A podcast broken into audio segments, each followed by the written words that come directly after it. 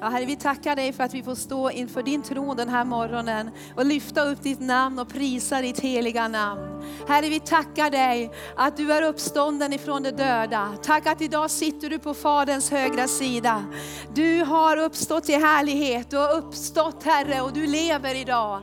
Tack Herre att du är vår store förebedjare och du är den som regerar. Du är den som har all makten. Du har övervunnit döden och mörkret och du är den uppståndne. Tack att vi får fira dig den här morgonen. Vi får påminna oss Herre om påskdagens budskap.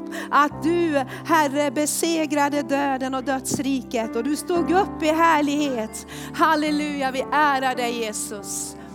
Tack Herre att vi får också be idag om öppnade öron och ögon så att vi kan höra Herre ditt ord den här morgonen.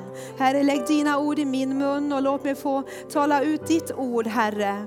I Jesu namn, jag ber Herre, väck våra öron att lyssna på lärjungars sätt. I Jesu namn. Amen. Tycker att du kramar om någon innan du sätter dig ner. Så härligt att få träffas idag. Eh, och eh, jag har många, många hälsningar ifrån Thomas och teamet som landade i Chennai igår i Indien. Allt hade gått väl på resan. Många hälsningar till er och nu är de säkert på gång och har möten och de ska ha pastorsseminarier och allt möjligt och besöka barnhemmet som vi har i Indien. De är ett team på fem personer. Så eh, stå gärna med och be för dem den här veckan att det får bli en bra vecka. Och eh, eh jag vill också tacka för förbönerna när jag och ett team, vi var ett team på fyra personer som var i Afrika, i Tanzania och kom hem för ett par veckor sedan. En fantastisk resa på allt sätt. Eh, jag har några bilder med mig att visa lite kort. Jag tror att eh, Jonathan Westin, du kan eh, ta från början där Hanna. Med en bild på teamet, den första bilden där. Ja, det andra mejlet. Eh, vi var ett team på fyra personer. Här har vi bibelskolan. Vi besökte bibelskolan och eh, undervisade om lovsång och tillbedjan. Och ni förstår vad, ni, vad jag tänkte när de kallade oss att komma dit, att åka till Afrika och undervisa i sång och i tillbedjan. Att undervisa afrikaner, ni förstår, med bävan åkte jag dit och tänkte vad har, vad har vi svenskar där att göra med afrikaner som är fulla av musik, fulla av, av rytmer, fulla, liksom de sjunger från morgon till kväll. Så när vi vaknade på morgonen så hörde vi sång och när vi la oss på kvällen så hörde vi sång. Eh, men det, vi förstod efter veckan som hade gått att Gud hade berört bibelskoleeleverna. Vi undervisar från morgon till, ja, ni, ni, får inte sluta tidigare än fyra sa hon. Så vi höll ju på till fem och halv sex och sex ibland. och sista veckan, nej men sista dagen den veckan så kom Gud bara över folket där och de ville aldrig sluta tillbe. Så i början när vi, när vi undervisade så, och vi hade lärt oss av Mersin, hon hade lärt oss sånger på swahili. Och vi stod där och sjöng och det gick lite knaggligt i början och de stod och tittade på oss och undrade vad vi gjorde. Men efter ett tag så, så kom de med och de började sjunga och började prisa Gud. Och eh, Gud kom till dem så fantastiskt eh, på slutet där och, och eh, Gud gjorde verkligen ett verk i deras hjärtan. Det är en sak att sjunga men det är en sak att tillbe. Det är, det är en skillnad på det. Eh, och här har vi teamet och där ser vi eh, Eh, Kilimanjaro med snö på toppen. Så fantastiskt vackert. Eh, vi kan ta en bild till. Här har vi alltså Gotte och Ulla, det här missionärsparet som har jobbat där över 40 år. I Dongobesh är de just nu, då, men har jobbat på flera ställen i Tanzania. Och eh, det här är vänner som är födda på Åland och som Thomas har känt sedan han var liten pojke. Och de har mission på sitt hjärta och har även gått pastorskurs tillsammans med Andreas och Kristoffer. Och eh, vänner som vi möter varje år på, på Livets Ord i Uppsala. Eh, fantastiska människor som har gett sitt liv för det här folket. Vi kan ta en bild till. Här ser vi alltså ett av de här husen som vi har varit med från församlingen och samlat in, jag tror ungefär det var halva huset eller så har vi gett för att de ska kunna bygga upp för eh, gymnasietjejer som inte har någon framtid. Eh, få utbilda sig där, få, på tre år läser de en sexårsutbildning. Och deras framtid blir totalt förvandlad. För eh, det här är flickor då som, som inte har liksom de möjligheterna att kunna utbilda sig utan som, som inte egentligen har någon framtid utan det är prostitution ungefär som de kan eh, tjäna pengar på. Eh, I den här skolan så var det ungefär 200 eh, gymnasietjejer som gick då. Fantastiskt att se. Och det här är också en del av huset en innergård på huset. Så här har vi varit med och gett. Vi har också varit med och gett och dragit el till den här missionsstationen här. Så det här paret, Gotte Ulla, hälsade och tackade så mycket och hälsade till församlingen. Hade de eh, olika namn på dörrarna här. Hade vi några fler kort eller? Ja, här var bibelskolan ja. Precis. Här hade vi med oss ifrån vår second hand-butik. Det var en ung kvinna som hade fått trillingar. Eh, och Eh, vi hade där en påse med kläder så vi hade med oss faktiskt en väska ifrån vår second hand-butik som vi skickade med dit. Då. Och det blev ju till stor glädje och uppmuntran för dem. Så tusen tack för alla förböner. Jag tror att Jonathan Westin kommer också att berätta lite grann mera eh, nästa helg om den här resan. Ja, nu ska vi eh, gå in i texten för den här söndagen och vi har ju uppståndelsesöndag idag. Och det här är ju eh, egentligen kyrkans största helg. Passionsveckan, stilla veckan. Eh, då vi får följa och ta del av Jesu väg till korset och till uppståndelsen. Eh, och, eh, den här veckan var veckan som förvandlade hela världen. Och det är faktiskt den största högtiden, att Jesus dog, han uppstod ifrån de döda. Och på grund av vad Jesus gjorde så har vi fått ett evigt liv. Så får vi del av uppståndelsekraften. Eh, Jesus bar vårt straff på korset. Han gjorde det inte för sin egen skull. Utan han var lydig sin far i himlen. Eh, och eh, tog på sig hela mänsklighetens straff upp på korset för att vi skulle få frid, för att vi skulle bli försonade med Gud och för att vi skulle få ett evigt liv.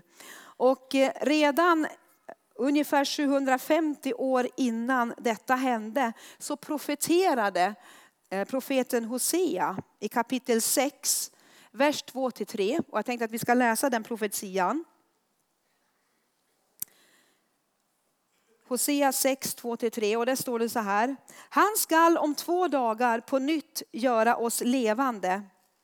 Ja, på tredje dagen ska han låta oss stå upp så att vi får leva inför hans ansikte. Låt oss lära känna Herren. Ja, låt oss sträva efter att lära känna honom. Hans uppgång är så viss som morgonrodnadens och han ska komma till oss lik ett regn, lik ett vårregn som vattnar jorden. Så här ser vi att eh, eh, denna profetia kom eh, och talade om att på tredje dagen så skall han låta oss stå upp så att vi ska få leva inför hans ansikte. Eh, och på grund av det så ska vi lära känna, vi ska sträva efter att lära känna honom. Och vet ni att i Filipperbrevet, där skriver också Paulus lite av samma tema. Eh, han säger i Filipperbrevet 3, 8-10. Jag räknar allt som en förlust Därför att jag har funnit det som är långt mycket mer värt. Kunskapen om Jesus min Herre.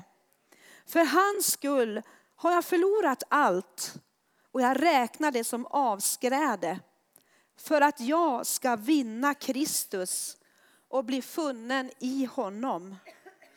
Inte med min egen rättfärdighet, den som kommer av lagen, utan den som kommer genom tro på Kristus, rättfärdigheten från Gud genom tron. Jag vill lära känna Kristus och kraften från hans uppståndelse och dela hans lidande genom att bli lik honom i en död med honom. Amen. Eh, så här ser vi att eh, Paulus har skrivit, jag vill lära känna Kristus. Eh, och Kristus kan vi faktiskt lära känna. Varför då? Varför kan vi lära känna Kristus? Jo, därför att han lever. Han är inte död, han lever. Han lever. Han lever i våra hjärtan genom den helige ande. Han är uppstånden ifrån graven och lever och sitter på Faderns högra sida. Han ber för oss inför tronen. Är inte fantastiskt? Och han är en far för oss. Han är vår Herre, han är vår frälsare. Han är allt för oss. Och Paulus hade fått erinra detta för ungefär 30 år innan detta så fick Paulus er, eh, erfara Eh, mötet med Jesus Kristus. Och därför kunde han säga, jag vill lära känna Jesus. Och inte bara honom, utan också kraften från uppståndelsen. Och vet ni vad? Vi kan lära känna kraften. Vi kan få erfara kraften från uppståndelsen. Och detta ord kraft, det är dynamis. Och överallt där det står talas om Guds kraft i Bibeln så talas det om dynamis. Och vad tror ni det ordet har vi lånat till svenskan? Vilket ord är det? Dynamit ja. Halleluja, Guds kraft har makt att spränga bort mörker, spränga undan eh, allt det som hindrar Guds eh, kraft att beröra våra liv. Eh, och det är det som är så fantastiskt att Guds kraft uppväcker liv. Eh, den kristna tron är ingen teori utan den har en inneboende kraft att förvandla. Och det, det berör våra liv från att vara någonting till att bli någonting annat. Om vi låter Gud göra det. Om vi tillåter Gud göra det. Därför Gud är en gentleman. Han, han tvingar sig aldrig på oss. Och det är därför Guds ord talar om själens frälsning. Att vi behöver låta frälsningen få göra sitt verk i våra liv. Att hans uppståndelsekraft får beröra, inte bara en gång för alla, Eh, därför det talas ju om att när vi tar emot Jesus Kristus som vår Herre så har han utlovat oss att vi ska få uppståndelseliv och få ett evigt liv i himlen. Är inte det fantastiskt? Eller hur? Han räddar oss ifrån döden, ifrån mörkret. Genom att hans uppståndelsekraft eh, berör oss till fullständigt eh, upprättelse och vi får bli pånyttfödda. Och livet slutar inte i graven, utan vi får del av ett evigt liv i himlen. Halleluja. Det låter lite svagt idag. Halleluja. Är du glad för att, att det finns ett evigt liv i himlen? Det finns hopp som vi får dela med oss av i den här världen. Det finns ett evigt liv. Vi behöver inte dö, det är inte slut när vi slutar andas. Utan det finns en möjlighet att välja livet, att välja att tro på uppståndelsekraften. Om du med ditt hjärta tror att Jesus dog och att han uppstod ifrån de döda, om du med din mun bekänner så blir du frälst och då får du del av det här livet. När vi tror på uppståndelsen ifrån de döda. Helt fantastiskt. Så det finns kraft i Jesu eh, eh, uppståndelse. Eh, och som jag sa, 30 år innan så fick Paulus ett radikalt möte med den uppstående Jesus. I, vi kan läsa om det i Apostlagärningarna 9, hur han eh, var på väg mot Damaskus. Och eh, Paulus hade blod på sina händer. Han förföljde de troende. Han var den som ledde, eh, vad ska man säga, arbetet med att förinta de troende att se till att de kristna blev fängslade och dödade. Det var han som stod i spetsen. Och nu var han på väg till Damaskus för att fängsla de troende i den staden. Men vad händer på vägen? Någonting fantastiskt händer. Och vi kan, om du har din bibel med dig kan vi snabbt bara gå dit. Där står det så här. Saulus han han som då blev Paulus, andades modlös och fick möta Jesus på vägen till Damaskus. Och det står att eh, plötsligt så kom ett ljussken från himlen omkring honom. Han föll till marken i vers 4 och hörde en röst som sa till honom, Saul, Saul, varför förföljer du mig? Han frågade, vem är du Herre? Rösten svarade, jag är Jesus, den som du förföljer. Men stå upp och gå in i staden så ska du få veta vad du måste göra. Och det står att när han klev upp så kunde han inte se någonting längre. Ljusskenet hade förblindat hans ögon. Eh, men där slutar inte berättelsen utan det står att Guds ande väcker eh, Ananias och säger till honom, du ska gå till Paulus och du ska be för honom så att han får sin syn tillbaka. Och Ananias han var en lärjunge och förstås så blev han ju förskräckt. Ska jag, gå till, ska jag gå till Saul, till Saulus? Han som förföljer alla de troende. Det är ju döden för mig. Jag kan väl inte gå dit men, men Guds ande manade i honom. Du ska gå dit och lägga händerna på honom för han har blivit min lärjunge. Och när du lägger händerna på honom så ska han få sin syn tillbaka. Och Ananias han lydde Herrens röst, han lydde Guds ande. Han Eh, åkte till Damaskus eh, och mötte där Paulus, eller Saulus som han då hette. La händerna på honom och han fick sin syn tillbaka. Och sen så står det eh, i vers eh,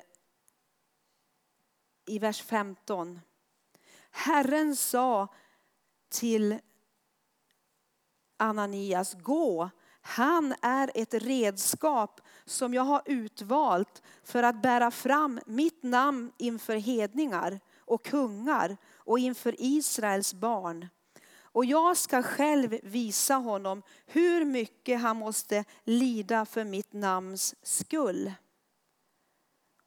Så Paulus möte med Jesus medförde en radikal förändring, en ny inriktning i hans liv, en ny positionering i hans liv. Eller hur? Helt plötsligt så hade han den man som han förföljde och de troende som han förföljde eh, blev hans bröder och systrar. Eh, och den, den, den Gud som han förföljde blev hans herre. Vem är du Herre? Amen. Vem är du Herre? Någonting hände i Paulus liv. Och det var precis det vi läste innan här också. Jag, jag, jag menar Paulus, han var en mycket lärd man. Han hade suttit vid Gamaliels fötter står det. Han, det var eh, eh det bästa tänkbara utbildning man, man kunde få hade Paulus suttit och, och lärt sig och fått del utav. Men vad säger han? Han räknar allt som förlust. Därför jag har funnit någonting som är långt mycket mera värt. Kunskapen om Kristus Jesus, min Herre. För hans skull, för hans skull har jag förlorat allt. Men jag räknar det som avskräde för att jag ska vinna Kristus och bli funnen i honom. Inte med min egen rättfärdighet, den som kommer av lagen. För det hade han levt i förut. Han följde lagen till punkt och pricka. Men det gav honom inte frid med Gud. Utan tvärtom. Han var nitisk i att, att fullfölja eh, eh, lagen och, och ordningarna. Men den rättfärdighet som kommer genom tro på Kristus, rättfärdigheten från Gud. Jag vill lära känna Kristus och kraften av hans uppståndelse. Och tänk, här skriver han i Filipperbrevet och det här är de sista breven som finns i Nya Testamentet. Eh, så ungefär 30 år efter att han hade tagit emot och, och, och omvänt sig så säger han fortfarande, jag vill lära känna dig Kristus. Vilket, vilken drivkraft. Det finns mer i Kristus, det finns mer av Gud. Han var inte färdig. Han var inte färdig. Ett tag efter det, kanske två år efter det här, så blev han korsfäst upp och ner. Eh, han, han fick gå martyrdöden för sin tro. Han var beredd att lämna allt för att gå hela vägen. Därför han fick möta den levande Gud. Han fick ett möte med Jesus Kristus. Och i den stunden så fick han orden att eh, du får ett uppdrag och du ska få lida för din tro. Men det fanns ingenting som var mera värt än att ge sitt liv för Kristus Jesus. Amen.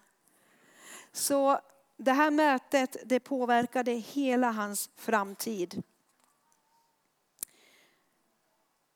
Vi ska gå till Filipperbrevet 2 och läsa ett välkänt ord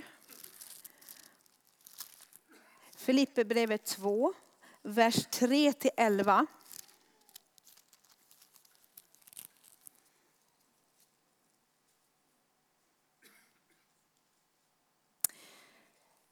Då står det så här, var inte självupptagna och stolta. Var istället ödmjuka och sätt andra högre än er själva. Se inte på ert eget bästa, utan tänk på andras. Var så till sinnes som Kristus, Jesus, var. Fastän han var till i Guds gestalt räknade han inte tillvaron som Gud såsom ett segerbyte, utan utgav sig själv genom att anta en tjänares gestalt då han blev människa, han som till det yttre var som en människa, han ödmjukade sig och han blev lydig ända till döden, döden på korset. Därför har också Gud upphöjt honom över allting och gett honom namnet över alla namn.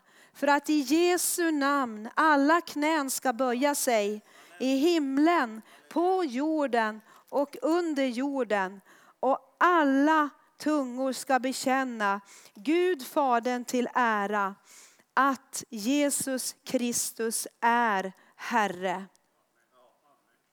Amen. Vet ni att det står att Jesus hade en fri vilja att ge sitt liv på korset. Det står att han var lydig sin kallelse, han var lydig sitt uppdrag. Det som Gud hade eh, sänt ut honom för. Men det står gång efter annan och vi kan se till exempel i Johannes 10 och 17 står det, Fadern älskar mig därför att jag ger mitt liv för att sedan ta det tillbaka. Ingen tar det ifrån mig utan jag ger det av fri vilja. Jag har makt att ge det och jag har också makt att ta det tillbaka. Det budet har jag fått av min fader. Så ni förstår, Jesus han gick till korset av egen vilja. Varför då? Och därför han underordnade sig, han ödmjukade sig under sin far. Amen. Han var lydig uppdraget, han var lydig kallelsen som han hade för sitt liv. Och du som har läst nu under veckan, vi har fått följa Getsemane, vilket lidande han gick igenom. Hur han svettades blod och hur han våndades. Och jag tror att många gånger tänkte han, ska jag betala priset? Ska jag gå hela vägen? Och vi kan inte förstå med vårt förstånd den kamp han hade. Det, det, är, för, det är omöjligt för oss. Vi kan bara läsa om det. Men han gav det av egen fri vilja. För han var lydig uppdraget. Och det står också i Johannes 19 så här. När han stod inför Pilatus så blev han förskräckt. Pilatus och han gick till, in i pretoriet och sa till Jesus, varifrån är du? Men Jesus gav honom inget svar. Pilatus sa till honom, svarar du mig inte? Vet du inte att jag har makt att frige dig och jag har makt att korsfästa dig? Då svarade Jesus, du skulle inte ha någon makt över mig om du inte hade fått det ovanifrån. Därför har den som utlämnat mig åt dig större skuld. Så här ser vi än en gång. Han visste att Gud hade makten, Gud hade gett honom ett uppdrag och han kunde välja att gå ner, alltså att inte gå till korset. Han kunde välja att gå sin egen väg. Men han gjorde inte det. Utan det står att han ödmjukade sig ända in till korset. Fastän han var i Guds gestalt, fastän han var Gud så blev han människa. Och han räknade inte tillvaron som Gud som ett segerbyte. Utan han antog en tjänares gestalt och blev en människa. Och blev lydig till döden på korset. Därför upphöjde Gud honom. Eh, och hela Jesu liv visade han på lydnad inför uppdraget, lydnad inför sin far. Han var beroende av att höra Gud, vad säger du? Jag kan ingenting göra utan att, jag, utan att du berättar det för mig vad jag ska göra. Han tog tid inför Herrens ansikte, han gick upp på berget, han drog sig undan för att tillbringa tid med Gud och få inriktning från honom. Han var 100% människa men också samtidigt 100% Gud. Och i Johannes 10 så ger han oss ett, ett, eh, ett ödmjukande exempel.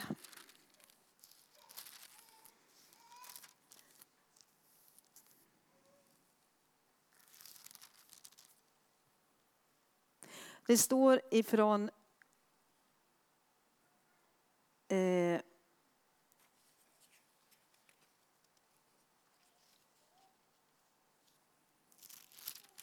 Förlåt, i kapitel 13 står det så här.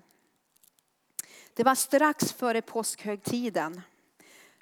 Och Jesus visste att stunden hade kommit då han skulle lämna den här världen och gå till Fadern. Han hade älskat sina egna här i världen och han älskade dem in i det sista. Det åt kvällsmål och djävulen hade redan ingett Judas, Simons Iskarios son, den tanken att han skulle förråda honom.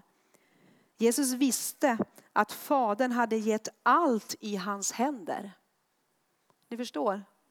Makten fanns, alltså valmöjligheten fanns hos Jesus. Jesus visste att Fadern hade gett allt i hans händer och att han hade utgått från Gud och skulle gå till Gud.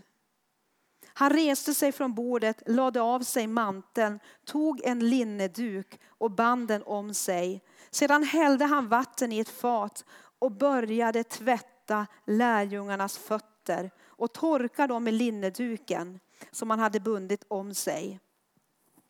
Och, och han fortsätter att tvätta och så sen så säger han så här. Eh, vi kan läsa ifrån vers 12. När han nu hade tvättat deras fötter och tagit på sig manteln och lagt sig till bords igen sade han till dem, förstår ni vad jag har gjort med er? Ni kallar mig mästare och herre och det är med rätta, ty det är jag. Om nu jag, er herre och mästare, har tvättat era fötter så är ni också skyldiga att tvätta varandras fötter.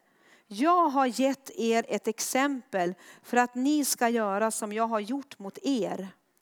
Amen, amen säger jag er, tjänaren är inte för mer än sin herre och budbäraren är inte för mer än den som har sänt honom. När ni vet detta, när ni vet detta, saliga är ni om ni också gör det. Amen. Här ödmjukade sig Jesus. Han antog en tjänares eh, skepnad, en tjänares gestalt. Och vi vet hur Petrus han sa, nej men inte ska väl du tvätta mina fötter? Det är jag som ska tvätta dina. Men Jesus visade ett exempel på att ödmjuka sig, inte tänka på sig själv, utan lyfta andra högre än sig själv.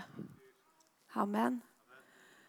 Det var ett exempel på att anta en tjänares skepnad.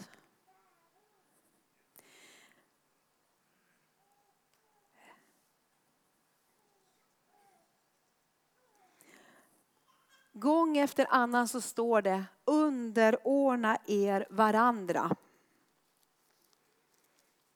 Jag ska läsa bara några bibelord till och sen så ska vi be tillsammans. Första Petrus 5 så står det så här.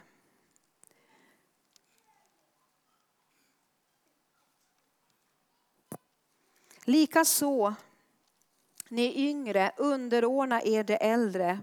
Och ni alla, klä er i ödmjukhet mot varandra. Ty Gud står emot det högmodiga, men det ödmjuka ger han nåd. Ödmjuka er alltså under Guds mäktiga hand. Så ska han upphöja er när hans tid är inne och kasta alla era bekymmer på honom, ty han har omsorg om er. Och i Jakobs brev står det, ödmjuka er under Herren och stå emot fienden. Så det finns någonting av att anta en tjänares gestalt, att ödmjuka sig. Inte sätta sig själv i centrum. Någonting med att ödmjuka sig medför auktoritet, medför upphöjelse och styrka. När vi är svaga så blir vi starka. Amen. Efesierbrevet 5 säger, bli Guds efterföljare som hans älskade barn. Och vi kan läsa om detta laddade kapitel om att underordna sig varandra. Underordna er varandra i Kristus Jesus. Ni hustrur, underordna er era män. Ni barn, underordna er era föräldrar. Ni slavar, underordna er era herrar. Men det är bara en sida utav det. Männen, föräldrarna, herrarna ska älska sin hustru, ska älska sina barn, ska älska sina slavar så som Kristus älskar och gett sitt liv för församlingen. Förstår ni? Underordnande och ha att göra med att man älskar någon, man är älskad. Och därför så vill man inte göra någonting annat än att underordna sig Kristus Jesus. Och underordna sig varandra. Varför? Därför att man är älskad. Man är älskad. Underordnande är inte samma som att vara underdånig eller undergiven. I Kristus Jesus är vi alla ett. I Kristus Jesus har vi alla samma värde. Det spelar ingen roll om vi är slav eller fri. Vi är älskade av Gud. Och därför står det att allt vad ni gör slavar, gör det så som ni tjänar Herren. Och nu kanske vi inte har slavar i den bemärkelsen idag. Men vi kan ändå leva i ett slaveri. Vi kan uppleva att vi kan leva i orättvisor. Men låt oss tjäna, inte ögontjäna, utan tjäna Herren det vi gör. Och då står det att vi ska få en lön, att Gud ska belöna oss. Eh, tänk vad fantastiskt att som barn få lära sig lydnad, få lära sig att underordna sig i hemmet. Och i familjen få lära sig att underordna sig. Det är en biblisk princip. Och när vi lär oss att underordna oss varandra. När vi lär oss det i hemmet så är det inga problem när vi kommer på en arbetsplats. För vi har lärt oss att tjäna varandra. Vi har lärt oss att lyssna in varandra. Vi har lärt oss att inte armbåga oss fram. Utan när vi underordnar oss varandra Eh, så gör vi det eh, genom att vi tror på att Gud lyfter oss upp. Gud ger oss lön. Och någonstans i att kunna möta varandra så behöver vi lära oss att underordna oss varandra. Att inte sätta oss själv i centrum. Och det var det Paulus gjorde. Han, gång efter annan så skriver han i Nya Testamentet. Tänk inte på, på, på, på ditt eget bästa utan tänk på andras bästa. Han levde för någon annan. Och hur svårt är det inte idag när vi har en sån otroligt självisk, eh, självisk samhälle. Det handlar om jag, mig och mitt. Min egen karriär. Jag vill vara självständig. Eh, jag pratade med mina barn igår och det var någon ny hit som hade kommit upp på, på de, de här hitlistorna som handlar om att en sång där man sjunger om sig själv. Jag är underbar, I am wonderful, I am beautiful. Så vi sa just det där att nu går alla kärlekssånger till oss själva. Det är så man börjar nu, liksom att man sjunger om sig själv och upphöjer sig själv. Det behöver inte vara så, men lite, lite märkligt egentligen att, att det handlar om mig, mitt och, och min väg, min vilja.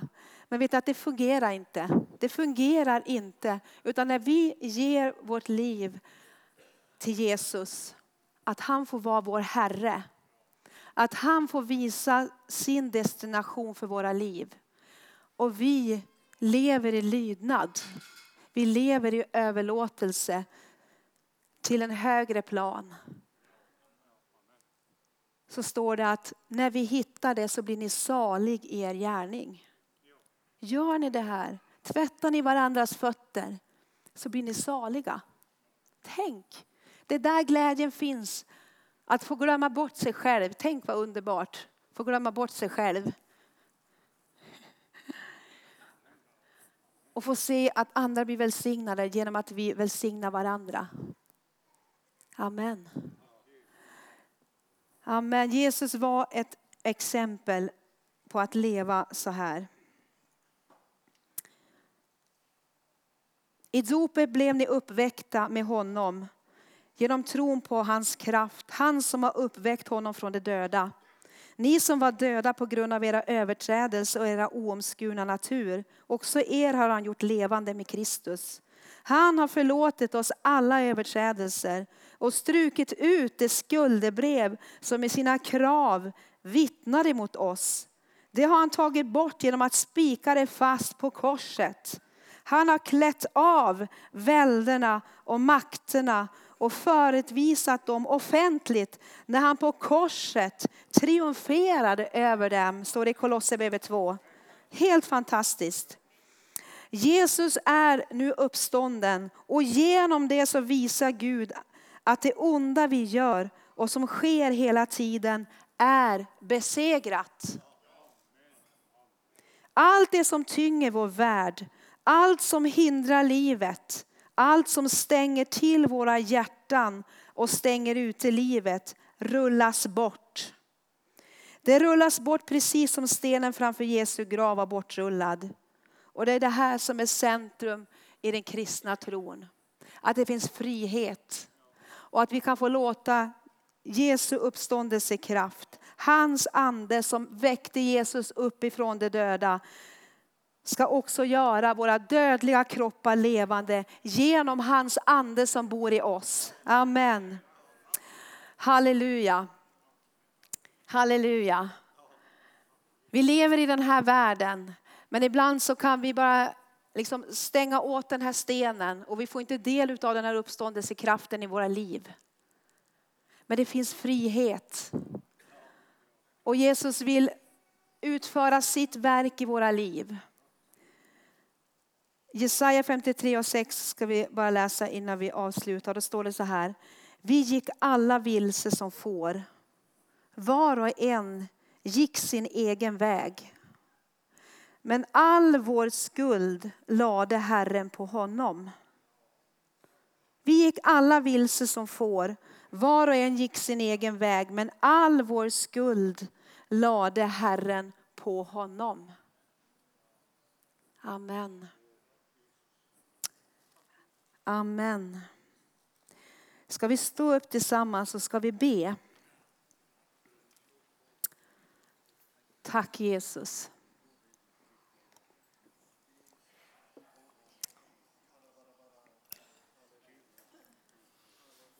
Herre, vi tackar dig för uppståndelsen och livet.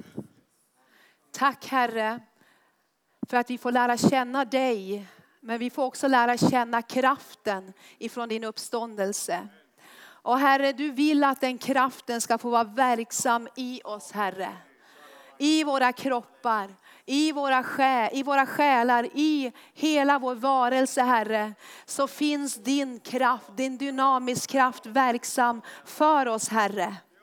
Och Herre, vi tackar dig att du vill, Herre, att vi ska få leva i friheten i friheten som finns genom uppståndelsen. Genom att bojorna löstes, bindlarna ramlade av. Du Jesus kom ut i frihet Herre. Och du gjorde det Herre för var och en, för hela mänskligheten Jesus. Du vill inte att vi ska låta något träldomsok vila över oss. Utan Herre, vi ber den här morgon att du ska uppenbara din uppståndelsekraft Herre i våra personliga liv, i i våra familjer, Herre, i församlingen, Herre. Vi ber att vi ska få del av uppståndelsekraften. Herre, Herre, Herre, Herre, Herre, Herre. Och vi tackar dig Gud att eh, vi får den här morgonen också bekänna dig Jesus som vår Herre och som vår frälsare.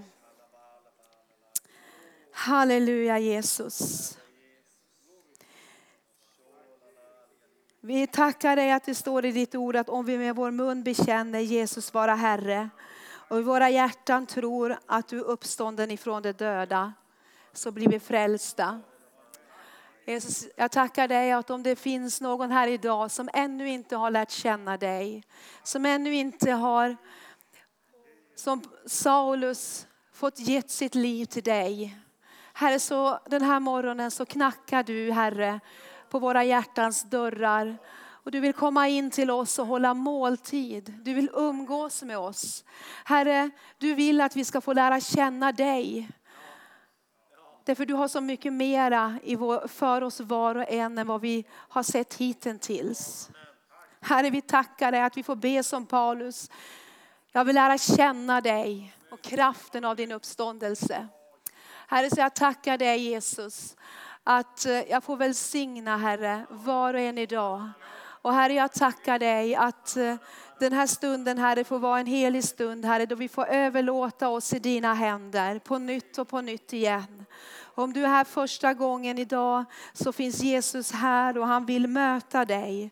Och när du bekänner att Jesus, du är min Herre så blir du frälst och blir du ett Guds barn. Och du får del av uppståndelsekraften. Och du får ett evigt liv i himlen.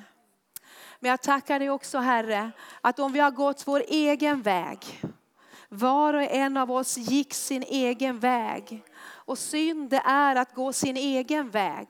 Att inte ödmjuka sig, att inte vara lydig den himmelska kallelsen Herre. Herre, vi vill komma inför dig den här morgonen och vi vill ransaka våra hjärtan. Och vi vill Herre bekänna att du är vår Herre. Herre, Herre, kom, var Herre i våra liv. Herre, jag tackar dig att du har en kallelse för oss var och en. Du vill leda oss Herre, du vill uppenbara dig för oss Herre. Du vill visa din väg, din personliga väg, din personliga kallelse för oss var och en Herre. Herre du hade en personlig kallelse för Saurus Herre. Oh, det verkade så mörkt, det verkade som att allt var slut. Han eh, hade gått emot dig, han hade blod på sina händer. Men Herre, jag tackar dig att när han föll ner och när han mötte dig och fick se dig Jesus och fick ta emot dig som sin Herre så gav du honom ett nytt mål för livet. Du gav honom ett uppdrag. Och jag tackar dig också Herre att du har ett uppdrag för oss var och en Herre. Herre, när vi ödmjukar oss Herre, när vi lägger ner vårt eget Herre för att ta emot din kallelse, ta emot din väg i våra personliga liv Herre. Och så vill du Herre berätta den och visa den för oss Herre. Tackar att ingen av oss lever på den här jorden bara för att få dagarna att gå. Utan Herre, varje dag så vill du uppenbara din väg för oss. Du vill uppenbara Herre, din uppståndelsekraft, att den finns för oss var och en tillgänglig varje dag. Att få förmedla frihet, att få förmedla liv där vi går fram. Men jag tackar dig Herre att det börjar med oss själva, att vi får ödmjuka oss under dig. Ödmjuka oss under din väg. Att bekänna dig Jesus som vår Herre och som vår frälsare. I Jesu namn. I Jesu namn. Jag tackar dig Herre. Tackar dig Jesus. Jag bara tackar dig Herre att du hör varje tyst bön just nu. Att vi får överlåta oss på nytt till dig Herre. Herre, vi vill lära känna dig. Vi vill, det finns mycket mera i dig. Herre, vi böjer våra hjärtan för dig. Vi böjer vår vilja. Vi underordnar oss dig, Herre. Och vi får också underordna oss varandra. I Kristi kärlek och i Kristi fruktan. Och leva för någonting annat än oss själva. Leva för ett högre mål, ett högre syfte. Tackar att därför har du gett oss uppståndelsekraften. I Jesu namn. I Jesu namn. Amen. Vi ska eh, ta, amen. Hade du någonting? Amen. Japp, det finns. Ja, den är på. Nej, men jag tänkte på en sak. Maria har ju talat om uppståndelsekraften. Det kanske, för, för det första är det väl någon som undrar vem jag är. Jag heter Bengt Eriksson och har medlemsnummer fyra i den här församlingen. Där är i stort sett alla frågor besvarade. Men det är så här att det var en kille som hette Ali som kom från Iran till det här landet för kanske ett par, tre år sedan. Och han hade en strulig familj, de höll på med droghandel och lite av varje där i Iran. Så kom de och bosatte sig i Norrköping. Och det där struliga livet med droger och allting, det fortsatte. Och han blev indragen i kriminalitet, han rånade folk, han, han gjorde det mesta, misshandlade allting. Han levde på kriminalitet. Och hela familjen höll på med droger. Och han hade ingen kontakt med sin mamma. Den enda han hade kontakt med det var sin moster och hon bodde i Eskilstuna. I alla fall så var det en eh, släktuppgörelse i Norrköping för ett par år sedan utanför en syriansk kyrka där två stycken blev avrättade och skjutna på gatan. Och när den här Ali kom dit, han hörde talas om det, han sprang dit. Då låg hans ena morbror skjuten på gatan. Han tog tag i honom och släpade honom på sidan ringde efter ambulans och han åkte på sjukhuset han dog. Och när han kom tillbaka var den andra morbrorn också skjuten. Han låg också på gatan. Och han, fylldes, han var fylld av hat men han blev ännu mer fylld av hat. Han var alldeles svart på insidan. Han hatade alla människor och han såg ingen ljusning med sitt liv. Och så beslutade han att han skulle ta sitt liv. Men först tyckte han att han skulle ringa sin moster. Det var den enda, den enda eh, släkting som han hade kontakt med. Så han ringde till henne. Och sa, vad roligt, sa han. Du har ju inte hört av dig på flera år. Nej, sa jag vill ringa till dig nu. Det är så här att jag bestämt att ta mitt liv och jag vill liksom bara ringa till dig och tala om det. Ja, vad säger hans moster? Ja, men såna, det var bra att du talade om att du ska ta ditt liv så jag vet om det. Så att om du försvinner så vet jag vad som har hänt dig. Men innan du tar ditt liv så vill jag fråga dig en sak. Om du vill lova mig att jag får be för det? Ja, sa han, det får du göra. Och då säger hon så här att var är du någonstans? Ja, jag är hemma. Finns det någon lugn plats där du kan söka så jag får be för dig? Nej, det är, all, det är kaos i familjen. Det är droger och alla var höga på kokain och allt det där. I alla fall så sa hon, kan du inte gå in på toaletten och ta med dig telefon? Då gick han in på toaletten, satte sig på toalettstolen och hade telefon. Och så började den här mostern på B för honom. Och han kände liksom ingenting från början. Men ju mer hon bad, ju mer kände han hur det blev en värme på insidan. Han kände liksom att det började hända någonting på insidan. Och till slut så upplevde han hur det här hatet och de här bojorna som han var bunden av, han blev befriad. Och till slut började han gråta som han aldrig har gjort tidigare. Och i slutändan när han hade bett en timme så låg han på golvet på toaletten och bara grät och upplevde hur den helige ande arbetade på insidan, hur han blev fri från alla bojor. Vad var det? Jo, det var uppståndelsekraften i verksamhet. Och där ser vi det att vi som Guds barn som har att göra med Gud och har den heliga ande, vi kan förlösa uppståndelsekraften över människor som vi ber så att det börjar hända någonting. Och den här killen, Ale, han blev befriad, han blev frälst, han blev andedöpt och idag så arbetar han som tolk i södra Sverige och han har även gått en bibelskola. Det är liksom bevis på det Maria har sagt om uppståndelsekraften. Det var ingenting som var då när Jesus uppväcktes. Den är ju verksam idag och den vill verka genom dig och mig. Yes. Vad bra. Amen. Tack Bengt. Eh, vi ska göra så här att eh, vi ska ta och avsluta mötet. Men jag skulle vilja utmana dig. Ge ditt liv på nytt till Herren. Har du tappat glädjen i ditt liv? Har du tappat fokus? Det kan, det kan vara så att var och en av oss ville gå sin egen väg. Många gånger så tänker vi ut och vi planerar och vi vi, i vår egen kraft. Men vi behöver ödmjuka oss inför Herren och säga Jesus, ske inte min vilja, ske din vilja i mitt liv. Och när vi kommer in i det här livet av att söka Guds rike först, att överlåta varje dag i Guds hand. Det, det, det är ett liv att leva. Och det är där glädjen finns. Det är där saligheten finns. Att på nytt ge sitt liv till Herren, dag efter dag. Och vi ska ta en stund här efteråt när, när Mercin och Hasse har fått avsluta här. Så ska vi låta altaret vara öppet och vi har förebedjare här. Vi behöver bekänna synd, att vi går vår egen väg. Det finns saker i våra liv som håller oss tillbaka och som gör att den här stenen dras tillbaka över öppningen. Uppståndelsekraften finns inte där längre. Och jag tror att vi alla har gått igenom tider och perioder det har varit torrt och vi har fått omvända oss på nytt och överlåta oss till Herrens vilja och Herrens plan. Att inte ha mig själv i centrum utan leva för något högre, leva för ett annat syfte. Och när vi hittar det så hittar vi också glädjen igen. Amen. Så, så efter vi har avslutat här så, så lämnar vi bara altaret öppet och vi fortsätter i lovsång och tillbedjan. Tack ska ni ha.